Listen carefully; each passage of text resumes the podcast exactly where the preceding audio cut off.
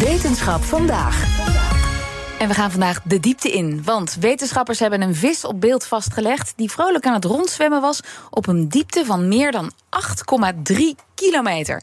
En dat is een diepterecord. Daarover gaan we praten met wetenschapsredacteur Carlijn Meinders. Hey Carlijn. Hoi. Dat is dus nieuws uit de krochten van de diepzee. Dat klopt. Uh, wetenschappers uit Japan en Australië hebben apparatuur neergezet in een van de diepe zeegeulen ten oosten van Japan. Deze onderzoeksgroep had al een beetje voorspeld dat het mogelijk moest zijn om daar op deze diepte leven te vinden. Een van de onderzoekers had namelijk zelf het vorige record in ah. handen uit 2017 op een andere plek, namelijk de Marianentrog in de Stille Oceaan. 8178 meter. Oké, dus met hoeveel is dat dan nu verbroken? Ja, dit nieuwe record is om precies te zijn 8336 meter. Dus dat heeft iedereen natuurlijk meteen uitgerekend. Zeker, dat ik wou het net zeggen. 158 meter verschil.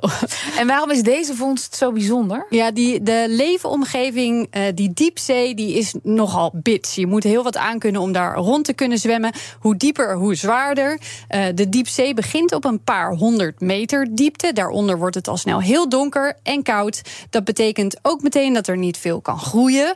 En de diepste diepten van de diepzee zitten op zo'n 11 kilometer. Dieper dus dan de hoogste bergen op het land hoog zijn. Maar dat betekent ook dat de druk daar beneden enorm is. Ja, ja zeker. Die uh, is enorm hoog als je de diepte ingaat. Die neemt per 10 meter toe met één bar. Uh, wij mensen krijgen het na een paar honderd meter al enorm moeilijk. Met duikspullen aan is het record iets van 330 meter. Maar ook apparatuur krijgt het er moeilijk. De, deze las ik trouwens op de site van Nemo, vond ik ook wel mooi. Een voetbal van 4 liter, gevuld met lucht, wordt op 5000 meter diepte samengeperst tot de grootte van een knikker van 2,5 centimeter. Gewoon dus, zo'n voetbal? Ja, ja, dus daar beneden heb je gewoon speciaal apparatuur nodig. In dit geval hebben ze een autonoom vaartuigje gebruikt, een soort onderzeebootrobot. Maar je zou dan toch verwachten dat deze vissen helemaal plat worden gedrukt? Ja, en dat, dat is dus niet zo. Ga je allemaal horen waarom? Ja, want hoe zit het dan met die dieren? Ja, uh, laten we even naar die vis gaan. Inderdaad, die dus op meer dan 8,3 kilometer diepte is vastgelegd op beeld. Het gaat om een kleine slakdolf. En die is niet donker en angstaanjagend met een geweldig stevig panzer.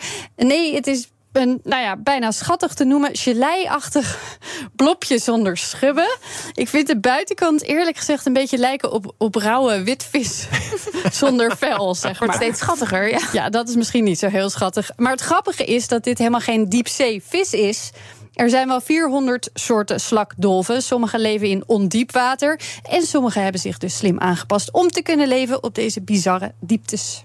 En dan moest hij zich waarschijnlijk aanpassen. Ja, ja, die zachte buitenkant die helpt daarbij. Ook uh, hebben deze vissen geen zwemblaas. Dat is een orgaan gevuld met gas, waarmee andere vissen hun drijfvermogen reguleren. Je snapt, onder hele hoge druk is zo'n kamer gevuld met gas nogal moeilijk om open te houden. Die hebben ze niet. Vissen hebben daarnaast een speciale vloeistof in hun cellen waarmee ze druk kunnen reguleren. Hoe dieper ze zwemmen, hoe meer van die vloeistof er dan in die cellen zit. En weet je nog, die voetbal, die wordt als er lucht in zit diep onder water helemaal geplet. Maar zou je hem vullen met water, dan amper. Dus die vloeistof in die cellen speelt een hele belangrijke rol. Uh, daardoor kunnen ze dus ah. onder andere heel goed tegen die druk. Uh, al zit er ook weer een limiet aan. Op een bepaalde diepte kan de hoeveelheid vloeistof dan niet langer meer toenemen. Oké, dus een vis vinden die nog dieper zwemt, op nog, nog uh, ja, die, in diepere diepzee, dat is niet heel aannemelijk. Nee, misschien kan iets dieper nog wel, uh, maar heel veel waarschijnlijk niet. Maar goed, we leren ook steeds meer over hoe slim ze zich aanpassen. Dus wie weet. Ja. maar nog even over die aanpassingen. In 2019 hebben Chinese onderzoekers zo'n slakdolf uit de diepte gevist en onderzocht. En toen zagen ze nog veel meer interessante aanpassingen. De vissen hebben gaten in hun schedel, wat mogelijk ook helpt bij het compenseren voor dat drukverschil. Ook bestaan hun botten niet helemaal uit bot, maar grotendeels uit kraakbeen. Ja, dat lijkt me dan wel fijn als alles een beetje mee kan buigen. Ja, ja, ja, ja. En dan zijn er ook nog de eiwitten die nodig zijn voor allerlei processen in de vis. Die kunnen onder hoge druk veel sneller afbreken, wat allerlei processen zou verstoren. En nou blijken deze vissen nogal veel van een stofje te hebben dat eiwitten stabiliseert. De meeste vissen hebben één gen dat hiervoor zorgt. Deze vissen hebben er vijf. En ze maken voor de zekerheid ook nog extra veel eiwitten aan die het transport van stofjes regelen. Uh, goed zicht hebben ze overigens niet. Uh, maar dat is ook niet echt nodig. Als je altijd in, in het, donker, donker ja, rondzwemt. En hebben ze er dan ook echt eentje gevangen, daadwerkelijk? Ja, dat is heel goed dat je erover begint. Want dat is eigenlijk nog een tweede record. De diepste twee vissen ooit gevangen. Die vingen ze iets ondieper op zo'n 8000 meter diepte. Uh, de vis die op recorddiepte op beeld is vastgelegd, dat was een jonkie. Dat vonden ze niet zo heel gek, want het is helemaal daar beneden veiliger dan een stukje omhoog, waar ook andere diepzeevissen rondzwemmen die ze misschien opeten. Dus het zijn vaak kleintjes die je helemaal onderin hmm. vindt. En dit onderzoek is onderdeel van een grotere studie naar het leven in de diepzee. Eentje van zo'n tien jaar. Dus wie weet wat daar nog allemaal uitkomt. In tien jaar kan veel gebeuren. Dankjewel, Carlijn Meij.